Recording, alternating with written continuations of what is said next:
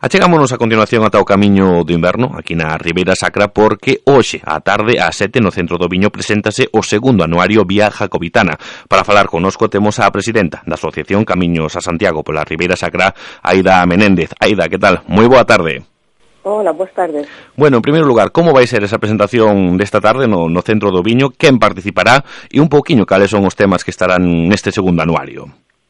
Pois, bueno, mm, estará presidindo este acto pois a directora xeral de Patrimonio, Mari Carmen Artini Pinsua, e, por suposto, o presidente do grupo de Agaber Ribeira Sacra Caurel, porque este, esta revista científica, este anuario, faise pois, gracias a que temos unha subvención, senón desde unha asociación sería imposible abordar eh, pois a, o que é a publicación. E, e bueno, pois, como ben dices, o segundo anuario, a verdad que mm, naceu con esa intención de, de recuperar, de, de dar a coñecer, mellor dito, divulgar, eh, sensibilizar en general mm, do patrimonio que hai en torno ao Camiño de Inverno, ben se xa material ou inmaterial, non? e incluso recoller pois, algunhas novas aportacións, documentación que poda aparecer, que podamos pois, mm, eh, añadir o, o que xa temos non? De, de datos documentais. Sí. E en ese sentido, pois, nós eh, contactamos con primeiro historiadores ou xente experta en diferentes temáticas nesa línea que vos decía eh, que hai pois nas comarcas polas que cruza o camiño de inverno, non? Hmm. E, e ademais pois profesores de, das universidades mm, de Santiago ou de calquera outra universidade que deixamos que, que ten algún estudio sobre isto. Así que, mm, bueno, pois decir que Mm, inda que é unha revista, realmente ten un formato libro, eh, mm, este ano pasado partimos de 100 páxinas, este ano pues, ampliamos a 120, que ao final uh -huh. se nos quedaron tamén eh, curtas e tuvemos que ampliar a 130 e pico de, de páxinas, e hai pois 13 artigos que abordan, pois como vos decía, desde patrimonio material, recolle algunha lenda propia da, desta zona, que son moi numerosas, eh, recolle relatos de, de, de mm, de peregrinos um, nobles mm, eh, eh, pues en 1600, 1700, eh, hai un relato precioso que nos aportan, bueno, pues a verdad que temos que dicir que contamos con unha firma de gran prestigio nesta edición, que é a de Pablo Cauchi, sí. e justamente el pues, fai un relato de, de un, un peregrino, de un monxe eh, franciscano, eh, alá por 1700, non? que fixo, bueno, pues, tramos do camiño de inverno e debía de ser non un monxe calquera porque íbase austerando nos principios mm, relevantes como eran pois eh, mosteiros ou casas nobles, non? Mm. Nos daba un pouco idea da condición do peregrino. E tamén hai outro relato moi importante de un profesor da Universidade de Santiago de, de mm, sobre un, un noble un clérigo noble de, da, da corte de Felipe III, que justamente fixo tamén a, a peregrinación por orden dele, non? para levaron os agasallos, bueno, as ofrendas a, ao apóstolo, moi interesante. Eso, bueno, en cuanto a patrimonio material, pois pues, tamén hai aportacións interesantísimas, alguna delas fala da hospedería mm, tan do mosteiro das Madres Bernardas, non? Hai un pantón, sí. que, por certo, agora parece ser que se vai dar un impulso sí. a rehabilitala, non? Uh -huh. Tuvo un xogo importante na época medieval.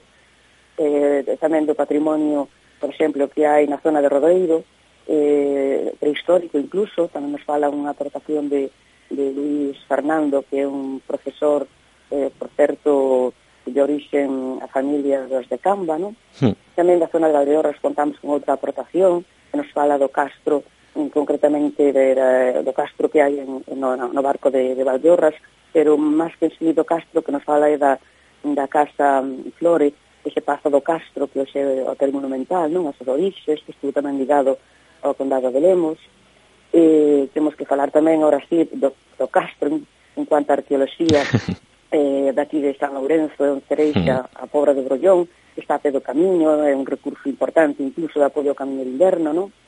Eh, outra das, mm, dos temas é, eh, nos fala dos viais romanos, é unha aportación moi interesante do doutor eh, pues, en arqueoloxía especializado en esto, vías romanas, unha sala de Aqua Quinta, eh, Quintina, perdón, en, que está no, é unha, un, un consulto arqueolóxico que apareceu non da época romana, ali ao pé do Montefaro, e, e bueno, nos falan non só dese conxunto, sino do importante, do enclave que era, de cruce de camiños.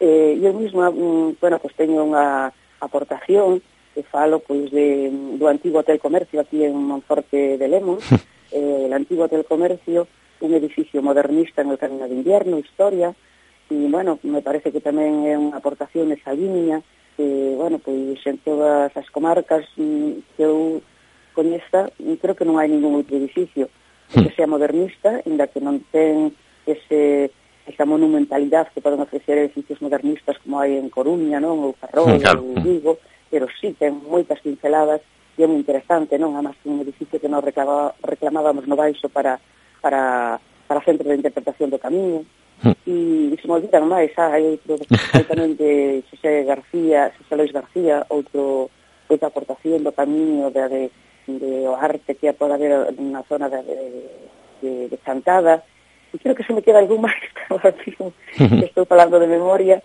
en fin, aportacións moi interesantes, mm, pequenos artigos de 10, 12 páxinas, con fotografías a color, e, e eso intercalado cada, entre cada artigo vai unha memoria fotográfica das actividades máis relevantes da asociación e, en consecuencia, convirten esta revista eh, atractiva, mm. iso que pretendemos, mm, de que sempre a curiosidade de ler, porque a veces pois, as persoas mm, no común e as persoas non accede a un libro moi específico do románico, das guías romanas, dos castros, pero se lle das mm, un, pequenos artigos, pois falos que se acheguen ese mundo e deixan sociedade non de, de, de patrimonio, de interesante que é pois que eles mesmos se den conta do que teñen as súas terras eh, cerca de nos.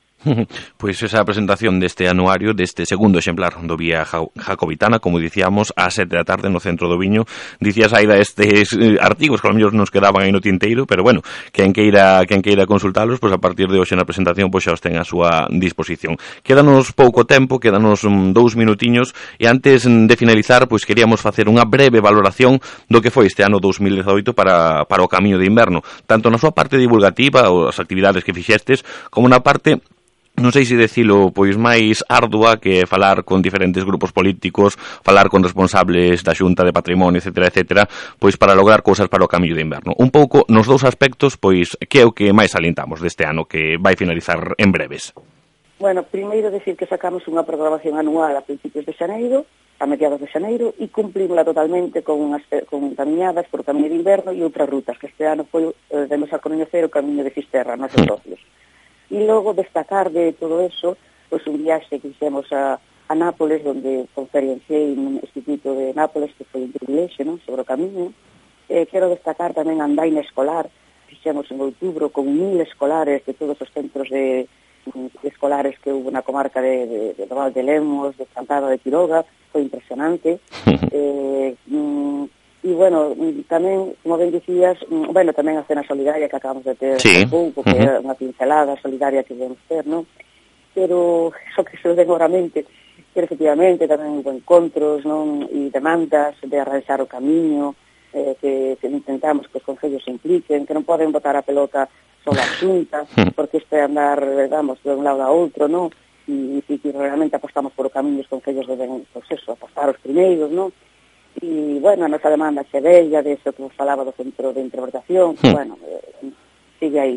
Hmm. Mm. Eh, e, e, bueno, eu penso que está mirando para atrás, está todo feito, xa non podemos mirar para atrás, temos que mirar para adiante, e, bueno, pois pues, ahora queda facer a programación do ano que ven, e, ademais, o ano que ven cumplimos 20 anos desta asociación pioneira é a máis antigua, é reclamando, recuperando, divulgando o camiño de inverno e vai estar chea de actos que van a celebrar esta, pues eso, esta, estes 20 anos que levamos aí a pé de cañón, como suele decir. Pois, por suposto, que falaremos deses actos xa a comezos do ano 2019. Aida Menéndez, presidenta da Asociación Camiños a Santiago pola Ribeira Sacra. Graciñas, como sempre, por atendernos aquí na COPE. Gracias a vos.